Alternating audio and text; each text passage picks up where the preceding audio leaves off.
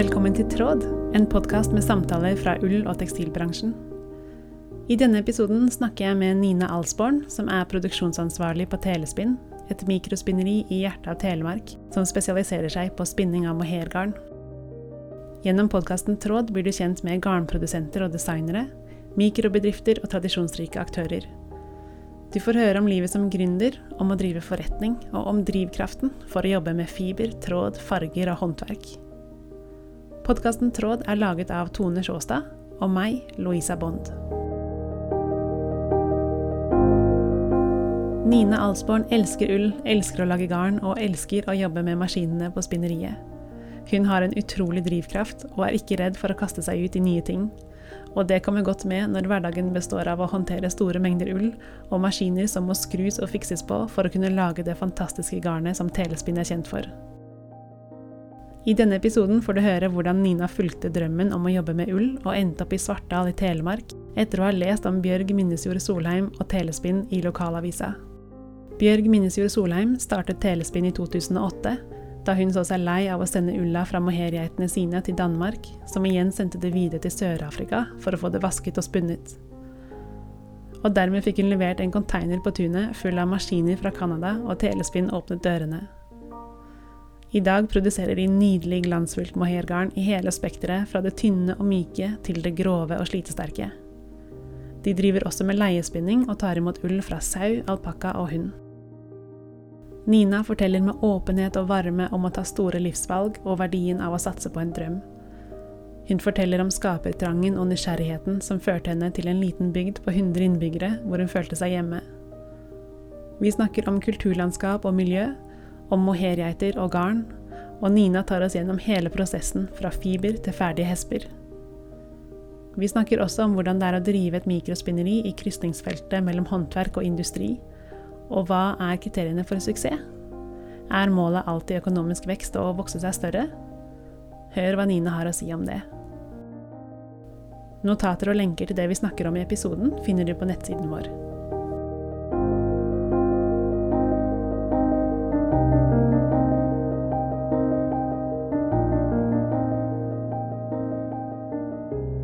Jag är vuxit upp egentligen en familj utan någon særlig textiltradition med mamma och pappa. Jag vet att mamma strickat när jag var liten, men eh, allting stack och, och jag hade inte någon særlig lust på det. Men bestemor min, alltså min, eh, min farmor, eh, henne var jag väldigt mycket hos från jag var två, ett och ett halvt, två år, och nio under barndomen sen. Och hon var sömmerska. Eh, og hun sydde och hon strikket, och, och, och jag tror att någonstans där så såg jag glädjen vid det av att, att jobba med textil. Så, eh, men det blev liksom aldrig något av det. Jag kom eh, gick igenom eh, gjennom ungdomsskolen og ønsket å velge. Men eh, det var inte helt grejt i min familj. Eh, där skulle det, karaktärerna visste nog helt annat än att gå textillinje. Jag tror föräldrarna mina bara önskat att jag skulle få det så gott som möjligt och textillinje var liksom inte för mig då. Så jag hamnade ett helt annat sted. Eh, och det tog mig många, många år för jag kom tillbaka in på den banan som jag kanske egentligen skulle ha varit på eh, på vidaregående. På vidaregående, sen så blev det allmänfag eh, och det ledde ju ingen vei. Icke var det något intresse för mig och icke syns att det var något göj. Så att, eh, det blev istället en massa andra jobber. Så at, eh, i 2000 och, 2002 så kom jag till Norge, eh, och då hade jag gått in på en bana som, som bartender, cocktailbartender av alla ting. Och utan att mig i London. Men eh, det, det blev liksom inte den vägen heller. Och så blev det omskolering i 2011 och då, eh, då sökte jag mig in till konst och hantverkslära på, på högskolan i, i Oslo och Akershus. Eh, men så visade det sig att de karaktärerna jag hade, sedan det inte var så gøy att gå på vidaregående när jag var sån 18 så var karaktärerna inte så goda heller. Så jag kom inte in på den här eh, utdannelsen som faglärare i konst och hantverk. Och då blev det, då blev det vanlig barneskolelärare, en till syv med då fördjupning innan konst och hantverk. Eh, och då tänkte jag att nej, nå, det är nog eller aldrig. liksom. Om jag ska lära mig något om textil så måste jag ta tag i det själv. Så ehm, då fann jag en artikel på nätet uh, om Björg, i Vesttelemarkbladet. Och där begynte det. Så där, där begynte tror jag resan in i garnet och ullens vei. Jag såg Björg stå med, det var vinter, det var massa snö överallt och hon har ett gult stricka sjal flaggrandes i vinden och en kröllete ullgeit uh, eh, i favnen. Och tänkte bara liksom att det här är ju bara för bra till att vara sant. Visst, jag ska göra något morsomt nu eh, när jag var fri på sommaren så tänkte jag jag ska bara skriva henne en, en mail och så höra om jag kanske kan komma dit och, och hospitera. Eh, och ibland, du vet, när man får idéer så känner man att hela kroppen börjar eh, vibrera nästan som att, eh, jag vet inte, det är en sån epiphany. Att någonting, nu är det någonting som ska ske och, och, och det att gripa tag i den idén. Man gör inte det med alla, men jag uppfordrar absolut eh, att man ska gripa tag i någon och göra något med det. Jag sände henne en e-post och då var jag så, då var jag så skraj för vad hon skulle säga och kanske jag skulle bli avvist och icke få lov att komma så jag måste ha min väninna till att läsa igenom e-posten för jag kunde sända den.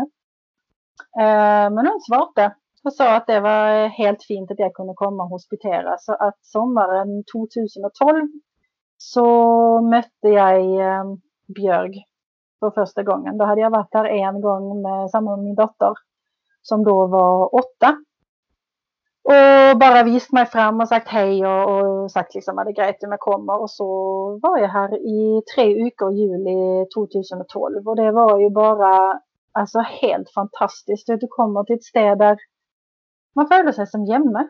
Men på någon plats så följdes det bara som hemma och, och det gjorde det här i Svartan när jag kom ut första gången. Um, och det utvecklats. Det skulle ju bara vara tre veckor att jag skulle vara där och jobba i spinnerien. Men uh, så skrev jag en bacheloruppgave och så var jag här i ferierna och så var det liksom, jag var färdig lärare i 2015. Jag kände bara att nej, vet du var det inte helt det jag ville Så, uh, jag spurte Björg om hon hade jobb för mig och då hade hon en eh, 50 procent eh, 50 stilling på kontoret så då tänkte jag att det kanske kan vara tingen. Men då du sände den e-posten eh, efter du hade läst eh, om Björg, hur inne i stricking och ull och sånt var du då? Nej, så jag började lära mig stricka i 2007. Eh, för det så hade det inte varit något. Eh, icke hade jag gått någon kursing och, och icke hade jag gått något, eh, jag hade heller inte strickat. Ehm, jag blev aldrig lärt upp till stricka hemma och tog heller inte tag i det. Så i 2007 så började jag stricka och, och gav mig ganska fort ut på djupt vatten med, med olika mönster. Och, och tänkte jag stricka, jag teststrickat för PT Design i Sandvika och, och, det gjorde jag egentligen för att jag skulle komma ut och möta eller skaffa mig ett nätverk eh, bland strickare och, och, kunna sitta tillsammans med, med andra människor som, som likte stricking och garn och sånt här som jag gjorde och, och kommer ut där och, och hon bara, ja du kan välja dig ett design. Jag bara, jaha, tänkte liksom, var är alla folken? Ska man inte sitta här ute? Nej, så fick jag bara med mig en pose hem och så skulle jag läsa uppskrifter och montera och det hade jag aldrig gjort förr. Så det var bara att sätta igång och stricka en eh, tunika i, i stripor med montering och jag vet inte vad. Så, ehm, men jag syns att det är fantastiskt morsomt det här med att skapa en skapartrang som alltid har legat där som, som aldrig riktigt har fått eh, utlöp för jag begynte med, med stricking. Så det hörs ut som du är glad i eh, utfordringer, da? At du liker att bara pröva ting och kasta dig ut på, på nya äventyr. Jag tror att det ligger eh, närt om hjärtat, ja. Eh, och icke bli för rädd för eh, det som jag icke kan. Men hellre se eh, värdien i att lära sig något nytt och testa det och icke vara rädd för att misslyckas. Så jag har ju lärt mig mycket, mycket mer om textil, alltså det med att komma till, till Björg och få ta del av, av, av ullvärdagen har ju varit helt fantastiskt och när jag skulle börja jobba där i, i 2015 så, så förstod jag att jag gärna skulle, eller jag kunde dra nytta av mera textilutdannelse och då fann jag på, eh, på nätet så har eh, Högskolan i Borås har distanskurser för eh, textil. Så där har jag tagit två kurs de sista åren, både i textilmateriallära och textilinnovation samt andra kurser som, som Tekoförbundet som vi har med i spinnerier har, har satt upp i bland annat farging och spinning. Du nämnde att du eh, i begynnelsen så hospiterade du på sommaren eh, på Telespinn. Och du hade en dotter då som var åtta år, och familj och hur fick du till hela den familjekabalen uppe i, upp i det? Ja, nej, så det, det blir ju så har jag förstått att när du ska satsa på något så har det alltid en pris. Eh, och under de första åren så var det inga problem. Jag har inte varit samman med, med pappan till min dotter på många år och vi har väldigt fin relation så att, eh, så att Ronja har alltid varit eh, hon har varit många veckor hos honom på sommaren och så har hon varit hos mina föräldrar i Sverige. Så att jag hade som oftast en ja, fyra, fem veckor på sommaren där jag var i eget sällskap. Så, så sånt har det fungerat fint. Det som, det som visade sig sen var ju att eh, hon var inte speciellt intresserad i att flytta till Svartal. När jag väl hade bestämt mig där 2015 och då har hon bott hos mig i ja, tio år. Nästan, alena hos mig. Eller åtta, åtta eller tio år. Eh, så hon är väldigt glad i hockey och Telemark har ofattligt mycket att tillby, men icke ishockey. Så då bestämde hon sig till att flytta till sin pappa som bor på Hamar. Så då blev jag Helgemamma och jag tror att det var nog den, det var nog den största utfordringen eh, i det valget. På något och, och tänka om, är det värt det? Är det värt att satsa på en dröm eh, till den prisen? Eh, och det har visat sig att det var absolut riktigt. Alltså allting, ja som jag sagt, allting har en pris om man ska törra och, och, och chansa på något som man verkligen tror på.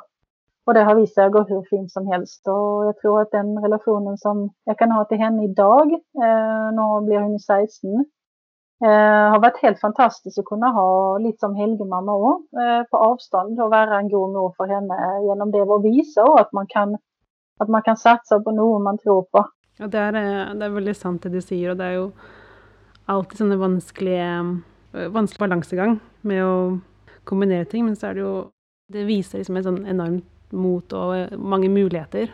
At det er mange muligheter, og man kan gjøre ting på forskjellige måter. Det trenger inte bara vara en, en måte att göra ting på, att man ska bo där man har bott hela livet. Att, men att selvfølgelig så, så får man ta i betraktning att, eh, att man må göra noen ändringar eh, i måten man har en relation på, och så kan det bara bli bättre.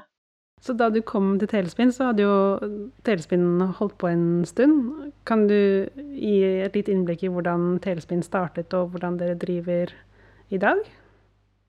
Ja. Eh, Telespin eh, startet opp i 2008. Eh, og det var gründeren är ju Björg Minnesjord Solheim. Och hon har eh, familjerötter i Svartdal, eh, men har då vuxit upp på en annan plats och sen hamnat i Oslo. Och, och i, eh, jag tror det var begynnelsen på, på 90-talet så var det ett eh, program på tv Norge Runt där eh, de första mohairgetarna vistes fram. Då hade de nettopp kommit till landet eh, och då fick Björg en eh, tanke om att det skulle hon ha.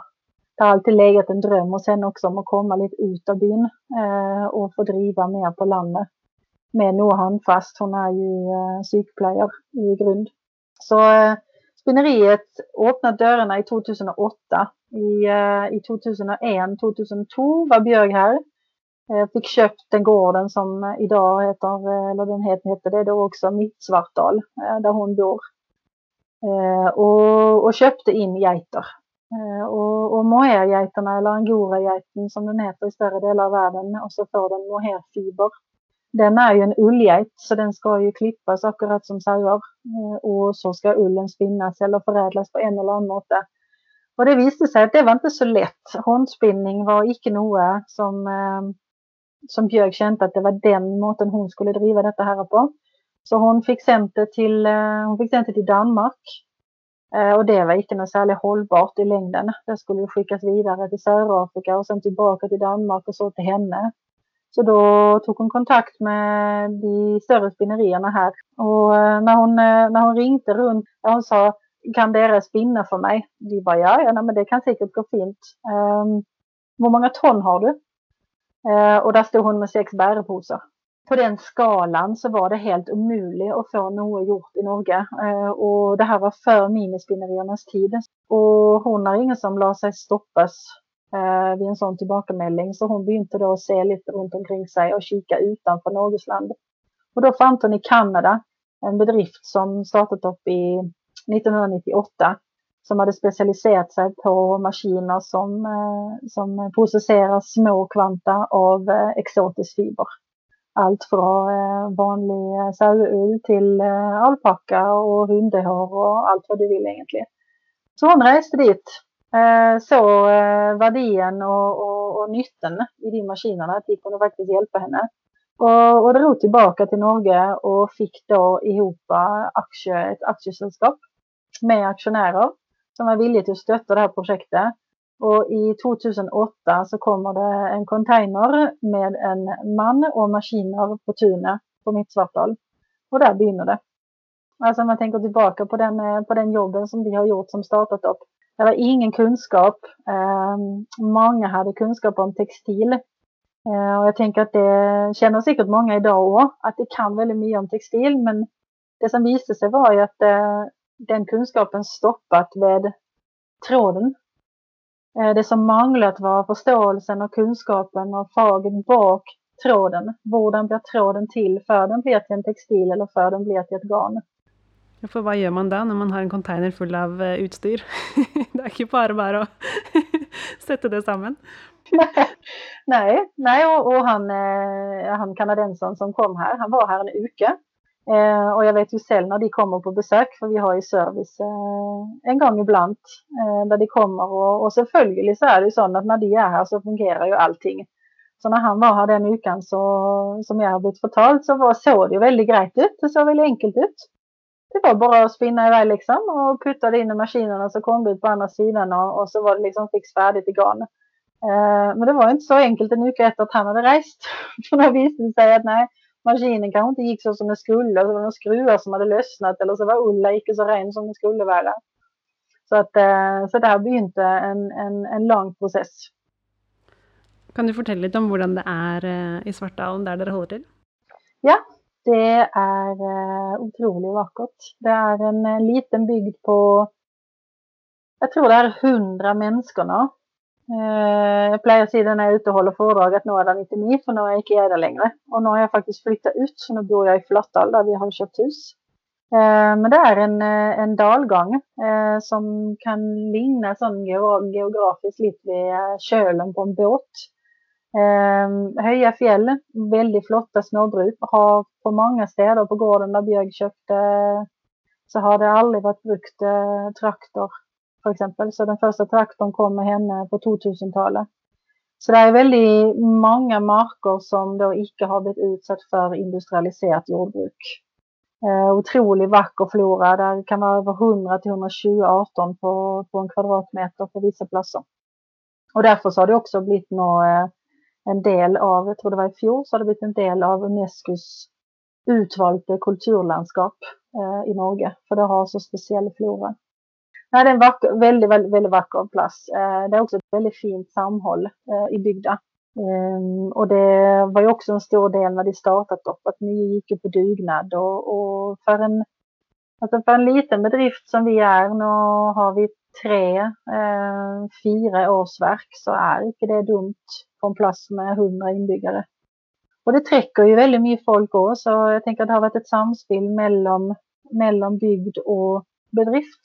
Och det var också väldigt fint. Eh, det vet jag Björk satte otroligt stor pris på och gör fortsatt. Det, det bemötandet som hon fick som nyinflyttat i den bygden. Det är väldigt intressant, för det är ju fort gjort att tänka sånn från utsidan att det må vara utfordrande att driva eh, en sån typ av bedrift ett så litet sted. Men så, efter det du berättar så är det en, en, heller en fördel, da, for du får den Eh, den tilhørigheten, og alle har et litt eierskap til, til, det man gjør, og man representerer noe mer. Ja, hvis man, eh, hvis eh, man klarer å, å, få det til på den måten, og det er et bemøtende og et interesse, og, og det er jo et, eh, en måte å se bedriften på i nærhet til lokalmiljøet, som alltid har varit väldigt stark, så då är den absolut en, en, en tillgång eh, att ligga där vi ligger. Då kan man säga att det kanske har varit lättare med kunder eller eh, eller besökare om man hade legat närmare en storby. Men eh, med hjälp av sociala medier och den digitala utvecklingen som har varit de sista åren så har det gjort det möjligt för små bedrifter att faktiskt kunna etablera sig i en liten bygd så som, eh, så som Telespin har gjort. Så, eh, så det är jätteviktigt. Sociala medier och, och nätbutik. Möjligheten för oss att nå ut till världen eller världen att kunna se var vi finnes och finna oss, den är, den är viktig.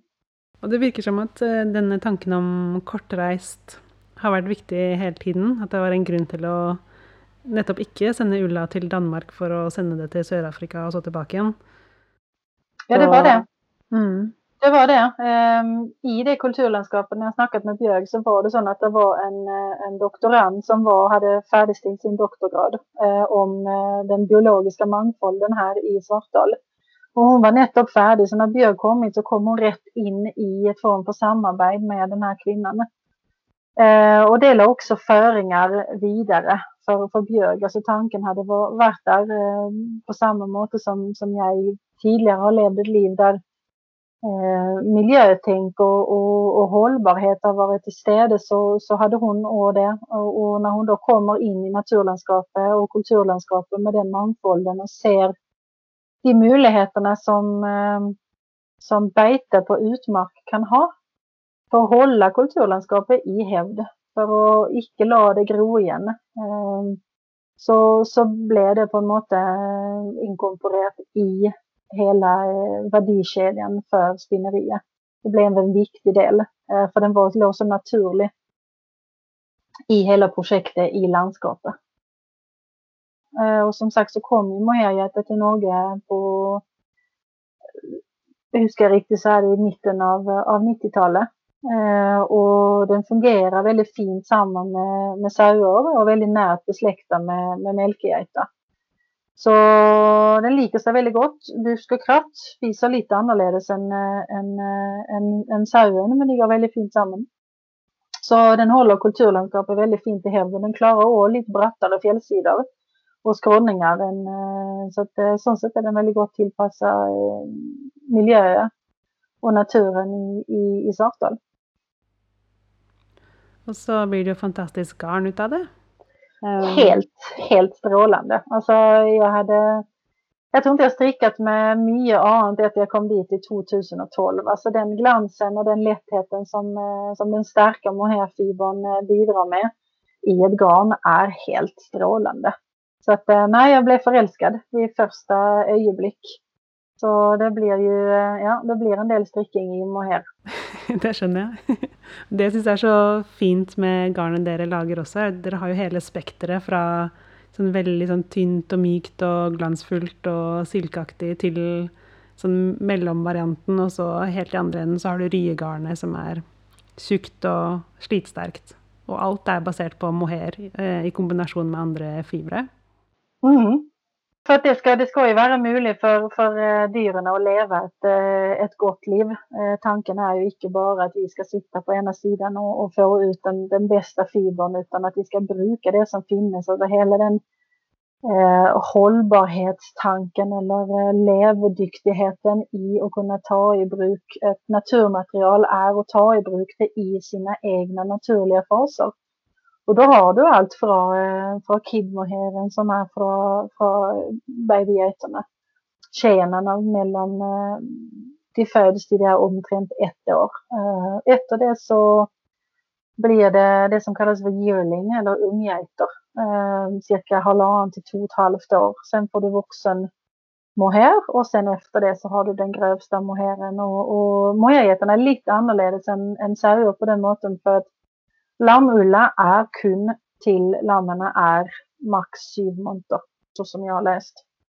Eh, men, men mohairgeiterna, de är eh, genetiskt betinget också, så att du kan få djur med så fin fiber att de faktiskt kan ge från sig eh, kid mohair helt upp till två, två och ett halvt års ålder.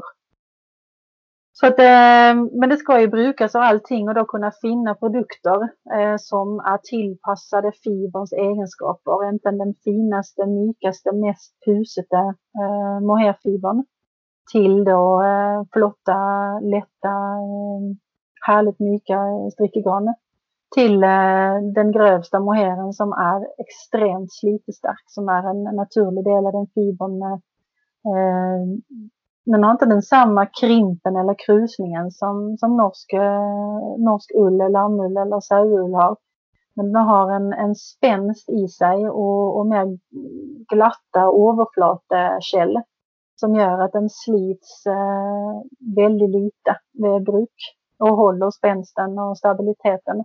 Och då kunna ha det till täppor eh, i eh, alla möjliga farver samman med norsk spelull. Då, eh, då, då, då går det fint och kandirerna och får lov att ha ett gott liv. Mm, det är väldigt fint. Och det du säger med att ta, se det i en helhet och ha, få med hela livslöpet och bruka fibrerna på riktig måte till riktig ting. Då. Mm, mm. Ja, det, är, det är väldigt, väldigt viktigt. Så all ulla vi får in den, den sorteras ju. Vi har ju uh, hela, vi kallar det för ett, ett linjärt Eh, integrerat spinneri. Det betyder att vi begynner eh, bakost och så går vi igenom en, en linjär process för det blir till garn. Och, och första skrittet där är ju att få in råmaterialet för bönderna och då får vi in eh, mohair för, för hela landet. Eh, och då ska den sorteras. Så det år har ju varit en, eh, en utvecklingsfas. Det var ju inga satta kriterier för hur den skulle sortera och hon eh, sänder det i stora äskar bara eh, och så får vi då finna ut eh, fäll för fäll. Eh, vad vi menar via, eh, kan se på fibern eh, rent fysiskt vilken tyckelse den har. Och så ska vi se på, på glans, vi ska se på spänsten, alltså kröllen den har, vi ska se på, känna på den. Fingrarna är otroligt flinka till att se. Så den, det är en sån erfaringskunskap som du, som du upparbetar dig över tid och, och vi plejer väl att se att cirka två till tre år. Jag vet att Norilia har en, eh, för att upp i fagpröver så må du ha jobbat två år eh, med ullsortering och det tar cirka två till tre år för den erfaringskunskapen och, och bevisstheten sitter i fingrarna. Jag kommer så gott ihåg när jag kom dit de första gångerna och, och mötte Kaffia som, som jobbat eh, i, i Telespin. Eh, och jag frågade henne liksom, ja men varför, varför, varför ska den dit eller varför gör du så med den? Och hon bara, ja men, men känner du inte det? Jag bara, nej, jag känner inte det. Det var helt omöjligt för mina fingrar att känna den finföljelsen av olika tyckelser på en enkelt fiber. Men den hade hon upparbetat sig och idag så är det inga problem. Eh, idag kan jag gott känna forskellen på, på kid och, och vuxen och, och, och känner liksom att nog inte är som det ska men, eh, men det tar tid. Vi plöjer se att vi ligger i kryssningsfältet mellan industri och hantverk. Eh, och när du då är små så är det väldigt mycket tid och krafter som går åt till att utveckla det hantverket eller den kompetensen innanför hantverket.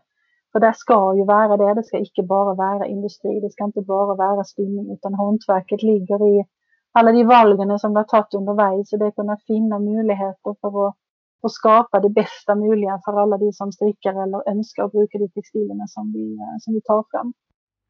Kan du ta mig igenom eh, alla stegen från, från att får en ulla till, till det blir färdiggarn? garn? Ehm, som sagt så tar vi emot eh, råmaterial, alltså råulla från bönderna. Den ska sorteras efter eh, kvalitet. Eh, så har vi ju blandningsfibrer till varje kvalitet. Ehm, ulla ska vaskas. Någon gång så tromlas den för att få ut eventuellt stöv eller urenheter. Eh, kanske mest, eh, mest nödvändig för eh, alpacka som eh, alpackorna de är väldigt glada i att rulla sig i görme och stöv. Så eh, då är det fint att få tromla det ut för vi tar det ner i maskinerna. Men för exempel mohairen eh, kan gå fint utan. Men vi har en tromlingsprocess för vi går ner till vasking. Eh, och vasket ull eh, kan man tänka sig att det ska göras eh, väldigt, väldigt milt. Vi kör ju alla våra strickeplagg anbefaller vi på 30 grader. Men eh, det är så att det fettet eller voxen som, som finns i ullen den må vi få bort och, och en mått att få bort den på är via temperatur. Så eh, vi vaskar allt upp mot 80 grader faktiskt. Nu har ju ull lanolin i sig medan eh, mohairgeiterna har inte lanolinet fett utan de har en box för att beskydda sig. Så den ska vi då pröva att få bort som bäst möjligt. Eh, och för att göra det så brukar vi kun en ekologisk eller organisk såpa. När den är vaskat sen så har ju Telespin valt en, eh, en miljöprofil och i den här miljöprofilen så ligger det någon val vad gäller farging. Eh, vi, har, eh, vi fargar ull och icke gran. Och när ullen fargas så fargas den i stora kar mellan 6 till 12-13 kilo varje gång och det kan det är väldigt, väldigt lite. Så tänker man på de stora spinnerierna så fargar det 400 kilo. Och tänker man på störelsen som Telespinär så är Gullbrandsdalen 22 eh, 000 kvadratmeter medan vi har 200. Så det här är i väldigt, väldigt liten skala men likaväl så är eh, 12 kilo det är ett stort fagerbad för oss. Eh, så då frågar vi ulla som sen ska, ska törkas och då törkas den icke via uppvärmning utan den ligger i vanlig temperatur och får då ligga tills den är färdig. Det kan ta mellan en till tre dagar.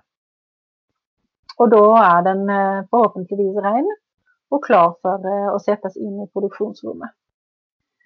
Ehm, i produktionen så har vi flera linjerna. Det begynte med eh, en produktionslinje eh, och den består av en eh, pluckare, ett renseverk eller en fiberseparator, ett karverk, spinnemaskin, tvinnemaskin, och så uppbuntning och fixering.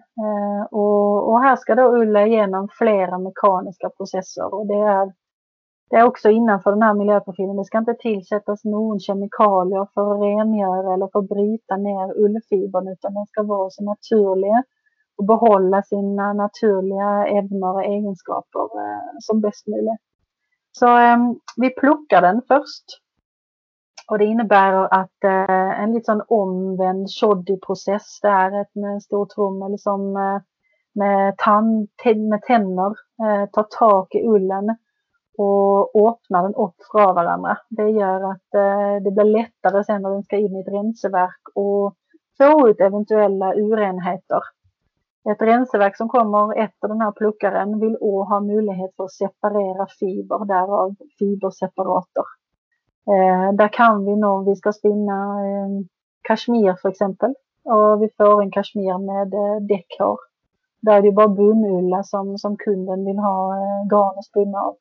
Och då går den igenom det här maskineriet av trumlor eh, så pass många gånger så att vi har då separerat ut all den däckulla som icke ska vara med garna och sitter då igen med den finaste, finaste, mjukaste bomulla. Eh, så ska det kares. Eh, Karverkarna är väldigt små. Eh, vi lägger på allt mellan eh, 30 till 100 gram på varje feed kallar vi det, det är en matningsdel, ett, ett bälte, ett bond som går in i karverket. Så alla de här processerna kräver en, en, en manuell hand. Så det är ju en eh, av de ansatta som då jobbar med att väja upp fiber, eh, väja upp ull, lägga det på bonden och checka så att maskinen går som den ska och att hastigheterna är stillstående på lik linje med renseverken. Så där kommer ju hantverket in att all ull är ju försäljlig. Det är nästan aldrig att den, eh, att den samma inställningen gäller på den nästa bolken vi kör. Ehm, så efter karing så kan man ta två val. Eh, en kan bestämma sig för om en ska laga kargarn eller om en ska laga kamgarn. Eh, worsted eller woolen yarn. Och vi lagar då ett semi-worsted yarn. Det betyder ett semi-kamgarn. Den ska alltså genom en, en, en kämningsprocess. Um, ehm, och det gör den via att den, den sträckes. Fibret som har kommit ut från karverket är, en, eh, är ett förgarn um, ehm, också kallat rovin. Då ska den genom den här kämningsprocessen där fibrerna sträckes och, och läggs mer parallellt samman vilket ger förutsättningar för ett tynnare, blankare spunnet eh, strickgarn eller vävgarn. För då ligger fibrerna tättare varandra, där är icke så mycket luft igen. Och när du då spinner tråden så vill de ligga mycket, mycket, på mycket mindre flata. Tar du det direkt från karverket och spinner ett eh, kargarn så vill du ha mer luft, fibrerna vill ligga mer hulter till bulter och blandet. Där kan du också spinna relativt tynna garn men det vill upplevas annorledes. Kamgarn kan också bli mycket starkare för där ligger fibrerna mycket tätare och så kan du spinna din med en höjspinn en twin så kan du få en väldigt, väldigt hög rotation runt sin egen axel vilket gör det väldigt slitestarkt. Så, att, eh, så det har vi som, eh, som en del i processen, så det är eh, ett semi-kamgarn. Och då är det klart för spinning. Vi har idag tre spinnmaskiner. En är en kombinerad spinnare och tvinnare. Och det är alltid så att när man i en process som vi har haft så har det varit, det begynte med en produktionslinje. Idag så är det två. Eh, för varje nyinköpt eh, maskin så har den här korken som eh, uppstår i produktionen flyttat sig. Nu har korken flyttat sig efter att vi köpte den sista maskinen som var en kombinerad spinn och tvinnmaskin till, till sträckan. Så nu får vi se vad vi ska göra. Men spinning har vi på tre maskiner. Där är det som kallas för grovspinnare Eh, med lite större spolar som, som tar eh, grövre och tjockare garn. Och så har vi en finspinnare eller en lace spinner där vi spinner de absolut tynnaste eh, och finaste garntyperna vi har. Så där har vi nu utvecklat det här nya garnet Idun som består av silke och merino och, och den bästa kidmohälen. Eh, och efter det så kan vi bestämma vad vi vill göra. Om vi vill eh, ha ett entrådsgarn, tvåtråds, tretråds eller fyratrådsgarn och då, då tvinnar vi det. Och här är ju otroligt många olika inställningar att få till och det är det absolut mest morsamma som jag syns där och stå vid spindelmaskinerna och kunna få till den tråden som blir helt fantastisk. Så eh, nej, det är väldigt, väldigt gøy. Ja, det är många processer och det kanske man inte tänker på sån. Jag hade inte tänkt på det för jag begynte där. Eh, och alla är lika viktiga. Alltså det hjälper inte att den som står eh, vid spinnermaskinen är fantastiskt flink hvis icke det andra har blivit gjort riktigt eh, fram till det punkten. Så, så alla som jobbar hos oss är lika viktiga i processen. Eh, den som vaskar och den som karar och den som rensar och den som spinner för att få ut den kvaliteten. Så det är hela tiden ett väldigt närt samarbete mellan oss för att få till det bästa vi kan. Du nämnde under fargingen att ni farger ull och inte garn. Varför gör ni det på den måten? Nej, med det med miljöprofilen så, så var det viktigt att, att tänka på så lite utsläpp som möjligt. Eh, och vid att ta det valet med att farga ull så har vi då de här fargebaden med, eh, med fargepigment. Där kan vi, det kan vi bruka om igen i flera runder. Eh, så det samma badet blir brukt till, vi har omtrent, eh, fagrar fargar vi fullfagring så har vi åtta olika eh, fibertyper som vi kan bruka det samma badet för vi träcker upp restpigment med, eh, med ryefiber. De flesta av garntyperna har ju en, en satt eh, fargekulör. Men med ryegarn kan vi laga vilka nyanser som helst. Så att visst, det skulle vara något pigment igen, restpigment i badet så kan vi lägga ner ryefiber, den grövsta mohairfibern och träcka upp det sista och sen är badet mer eller mindre rejt när det går ut. Så att eh, där har du det miljötänket med, med genbruk eh, av, eh, av hagebad. Men, men sen också ger det oss en, en väldigt, väldigt stor möjlighet att laga otroligt många flera farvar ut från det basutvalget som vi har fargat och än vad vi hade haft om vi skulle haft eh, en farging eh, till varje typ garn. Vi har 20 basfarver omtrent och vi har ett oändligt utval av möjligheter och den fargeblandningen den sker i karverket. Så där har vi för exempel tre eller fyra olika blåfarver. Vi har en som är fullfargad blå och så har vi två semifargade blå. Och den lyseblå består då av 80% naturfargad mohair och 20% blå blandningsull, lamm eller säl eller Eh, merino. Och så kan vi ta den andra varianten där vi kör då 80% med blåfargat mohair med 20% naturfargat lamm eller så. Så fargemöjligheterna är också otroligt mycket större på denna måten. Eh, och så får vi de vackra eh, spettet eller melerte garntyperna och som, som vi har på vårt fargekort. På något sätt så snackar det ju samma år för att det är ju otroligt många faror som består av de samma baserna. Men bara satsar på olika måter så att när du som strickare ska välja mönstersammansättningar eller du vill ha farger som kanske de är olika men likaväl så går de, så snackar de samman. Eh, så är det ett väldigt fint, eh, det är en väldigt fin baktanke bak detta här. Det är det och sen vet jag heller inte vad den hade varit att jobba eh, utan farvor. För på något det är en så stor del av vår vardag att vara i det spinneriet med alla de processerna med olika farver och det är en helt annan grej att stå där och så spinner du det här eh, härliga gräsgröna eh, när det är vitt ute, det har varit vinter i tre, fyra månader och så spinner du grönt och så är det gult och så är det blått och, och det är eh, hyllorna är fyllda farver, eh, fargat ull överallt. Och på något måte så har vi snackat om det när vi står där inne att det är dejligt att vi, vi spinner liksom och så blir vi färdiga med en farver och så ser vi den gå ut och så blir man inspirerad till vad ska man göra med den och kan man bruka den samman med något annat och vad ska vi stricka och visst allting annars hade varit vitt så hade allting bara varit vitt. Det hade inte varit något annat. Nej, det, det, det är fantastiskt att jobba med. Där det, och kunder kommer in och de sätter samman helt vanvittigt vackra nya formkombinationer. och, och, det är ju både bra och selvfølgelig så är det bra. Men det där är också väldigt utfordrande för plötsligt får du lyssna på något helt annat än det du egentligen hade begynt med.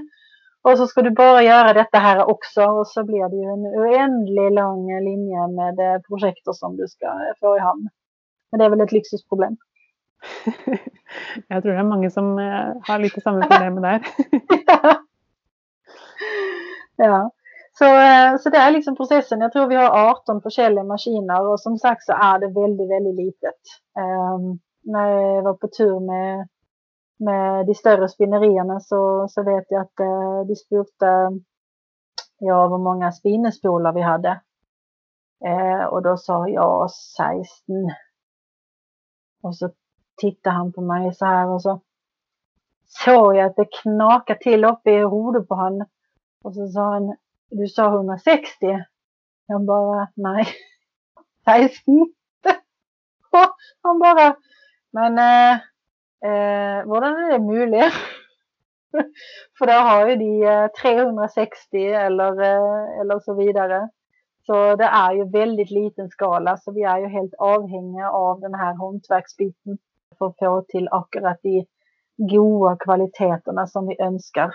Och hela den och visa hela den värdekedjan som vi har för det här är ingen massproduktion det är hantverk från start till slut också. Om vi är, brukar de, de absolut bästa och nyaste industriella hjälpmedlen vi kan klara så, så är det hantverket som ligger i, i bun i varje enkel avgörelse. Vad är din roll ehm, på Telspin? Hur ser dagarna dina ut? Eh, vanligtvis så har jag varit i spinneriet i de sista två åren. Eh, först så var jag på kontoret och så har jag gått in och blivit produktionsansvarig i produktion. Så då håller vi ett litet morgonmöte på morgonen vi planlägger dagen. Eh, jag har eh, utvecklat god kompetens i spinnmaskinerna, så där har jag varit väldigt nya. Men eller så har jag varit igenom hela processen, allt från sortering till vaskning till vaging och, och varit Björks eh, eh, andra hand kan man väl säga. Och vi är ju väldigt nära knyta allesammans till avgörelser som blir tagit i, i spinneriverksamheten. Så en väldigt sån eh, lagt upp till en väldigt flat bedriftskultur där alla ska följa att de är, eh, är sett och, och får vara med i, eh, i avgörelser som blir tagit. Men eh, per dags dato så, så jobbar jag som produktionsansvarig och älskar maskinerna. Det är liksom jag tror det var det som gjorde att, eh, att jag önskat att gå in. Eh, det är så morsomt att jobba med den tekniska biten och få de maskinerna till att gå bäst möjligt eh, och laga det bästa möjliga garnet. För det tränger en kärleksfull hand. Det är som allting annat. Det må ha ställ och det må smöras och det må skiftas delar och det och kunna höra liksom att nej, idag är maskinen lite cranky och så finna ut vad det är man ska göra, var delen sitter lite löst eller var det ska skiftas ett tandhjul eller en trommel eller det är otroligt gøy. Så det är att löpa runt med skiftenyckel och, och, eh, och fixa. Har du bara lärt underveis då eller har du någon erfaring? Det ut som du borde varit en maskiningenjör för att få till det där. ja, ja, kanske. Eh, nej, jag har lärt underveis. Eh, väldigt nykärrig eh, och väldigt glad för att pröva. Så när, eh, når noe har gått grant så, så, har jag liksom prövat att finna ut av det. Väldigt liksom problemlösningsorienterat eh, och icke ge upp. Och så har jag sett när Kanada har varit där och jag har varit som en skygga. Jag har sagt till dem att oh, I'm your shadow for two days. och så har jag följt dem, fotföljt dem, eh, och fått vara med och, och, och, byta alla delarna och sett hur de gör ting. Och, och sen är det bara att gå in med frisk not. Jag tänker att där har där har vi kvinnor och lite att lära sig. Jag tänker bara på min egen del som, som kanske kan vara lite mer som rädd för att, ta ting från varandra och pröva sätta dem tillbaka igen. Eh, men det är alltså ta, från, eh, ta en del från maskin och inte helt vara säker på hur man ska få dem tillbaka igen och så må man bara lösa det. Eh, det är väldigt, väldigt morsomt så det anbefaller jag många andra att göra. Det är inte alltid det går så bra men till större delen så gör det det och någon gång får man bara hämta in lite extern hjälp. Men det är massa läring i det. Det är ett hantverk det också, att få maskiner till att göra det de ska. Det är det faktiskt och in, innanför Fager så är det ju tre områden du ska utbilda eller utdanna dig eh, inom garnfrämst till och Fager. Så kan du välja tre olika inriktningar. Du kan välja den mekaniska och tekniska, du kan välja spinnedelen eller du kan välja fagerdelen. Eh, så att det är ju absolut ett fag, det är det. Eh, och eh, det gäller ju att veta vad man gör. På en måte jag är ganska praktiskt lagd. Så eller så, så hade det nog inte gått så bra. Mm. Du var lite inne på det i stad, men jag har lust att höra lite mer om hur det är att driva ett mikrospinneri idag i Norge? Nej, jag tror att vi, vi jobbar på väldigt eh, många lika måter.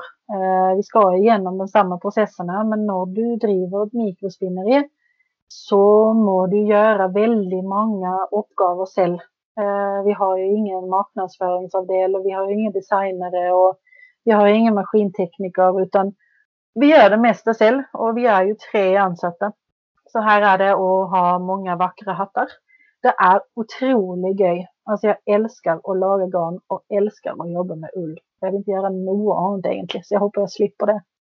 Eh, för det att kunna ta emot en, en, en råvara som kommer från naturen och du lever så nära intill det natur och kulturlandskapet som vi gör här.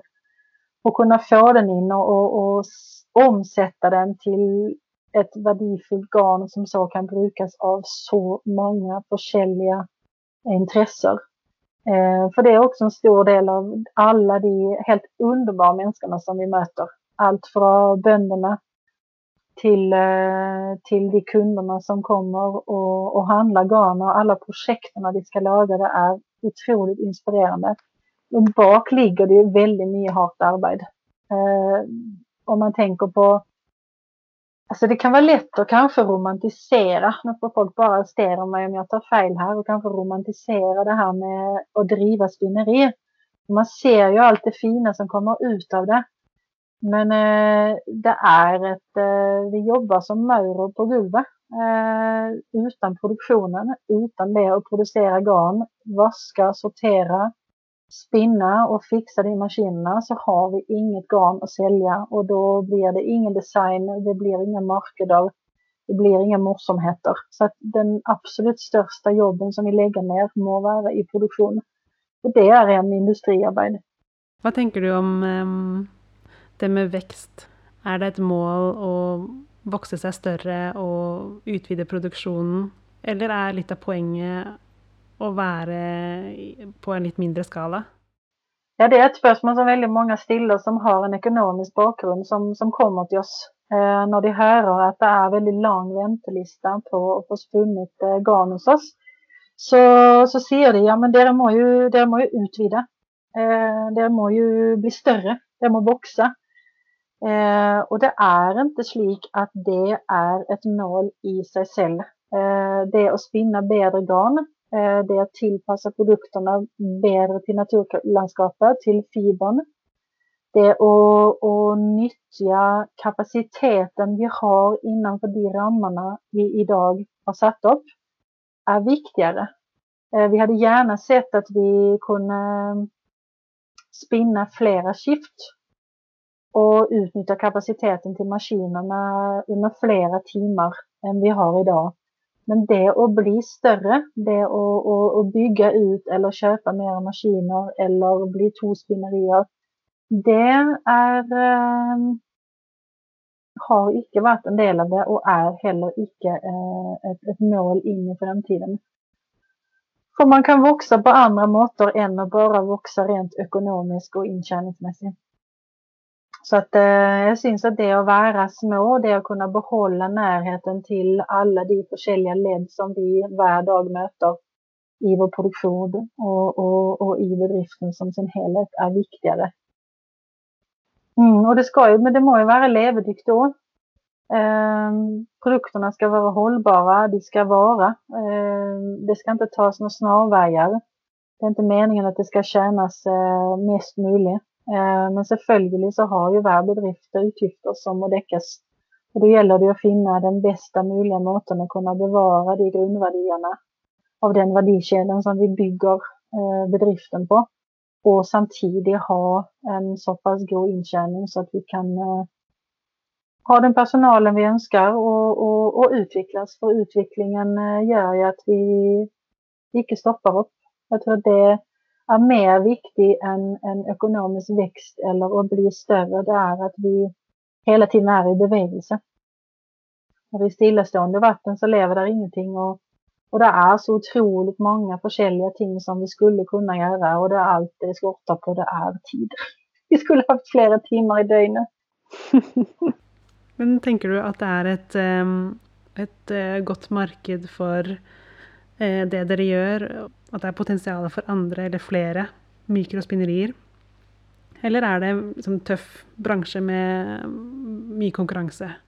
Vi tenker jo at Eh, det bästa är att kunna samarbeta om det samma markedet, men i forskjellige nisjeområder. Eh, for det å være så små og gå i næringen på hverandre er jo ikke lønnsomt for noen. Eh, og det er mye ull å ta av. Eh, det är många bönder som önskar få spunnet sin ull. Garnmarkedet är ju selvfølgelig stort då. Det är väldigt många som strickar i Norge.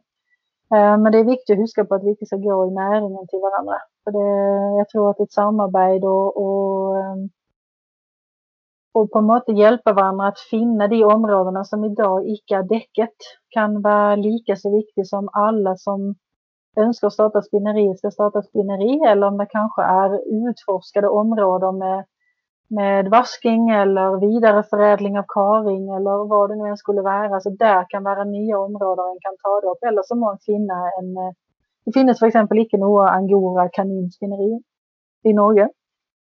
Så det absolut eh, områden. Mm. Apropos samarbeid, så har du haft ett väldigt spännande samarbete med Eller jag tänkte på med Nina Petrina, som handfärgat eh, garn för er. Eh, men dere har jo også hatt andre håndfargere tidligere. Det er jo veldig inspirerende å se at, at det er en del sånn eh, samarbeid som oppstår, da. Ja, det har nok vært litt av min kjepphest. Eh, for jeg ser jo at, eh, at, vi kan ikke gjøre alt. Også om vi hadde ønsket, og også om vi kanskje hadde vært flinke til det, så er vår hovedoppgave det er å lage det beste garnet vi kan. Og ta fram nye produkter og finne nye utviklingsmuligheter med å drive spinneri.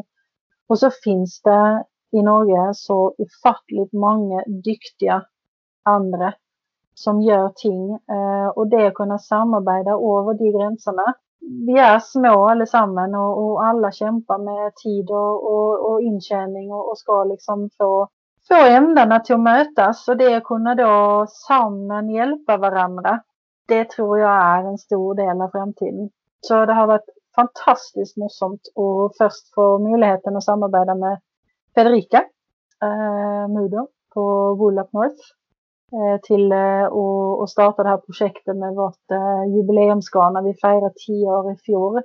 Och få igång det och det bemötandet för, för deras strikande kunder, alltså det är bara helt fantastiskt. Alltså tar de mig hatten för all den intressen och all den glädjen som dere får av, av, av garnet. Det är väldigt inspirerande det tillbaka och, och hitta nya, nya spännande måter och, och, och visa fram vårt, eh, vårt garn på. Och så Nina Petrina som har en, en helt egen och magisk måte att farga de här gradienterna på. på och på symmegarnet och på mohairfibern som är så glansfull med de här blanka överflatekällorna som den har som reflekterar lys så blir det, nej, jag vet inte. Det, vi har öppnat den packen när den pröven prövorganen bestämde oss. Och alla bara, det är mycket vackrare i verkligheten. Och det är bara mycket, mycket vackrare i verkligheten. Det skinner som om du bara hänger dem runt halsen. jag vill inte dricka med det.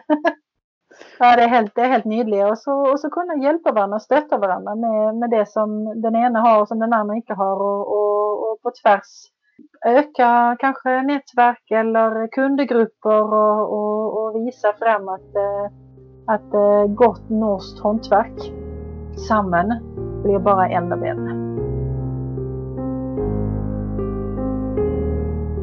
Tusen tack Nina Alsborn. Du finner Nina på Instagram at jörnforjarn och du kan läsa mer om telespinn på telespinn.no där du också kan få köpa deras nydliga garn. Följ Telespinn på Instagram och Facebook som Telespinn. Och du kan också komma på gårdsbesök. Telespinn tillbyr omvisning på stora och små grupper på spinneriet och har ett utsalg där du kan se och känna på de olika produkterna deras.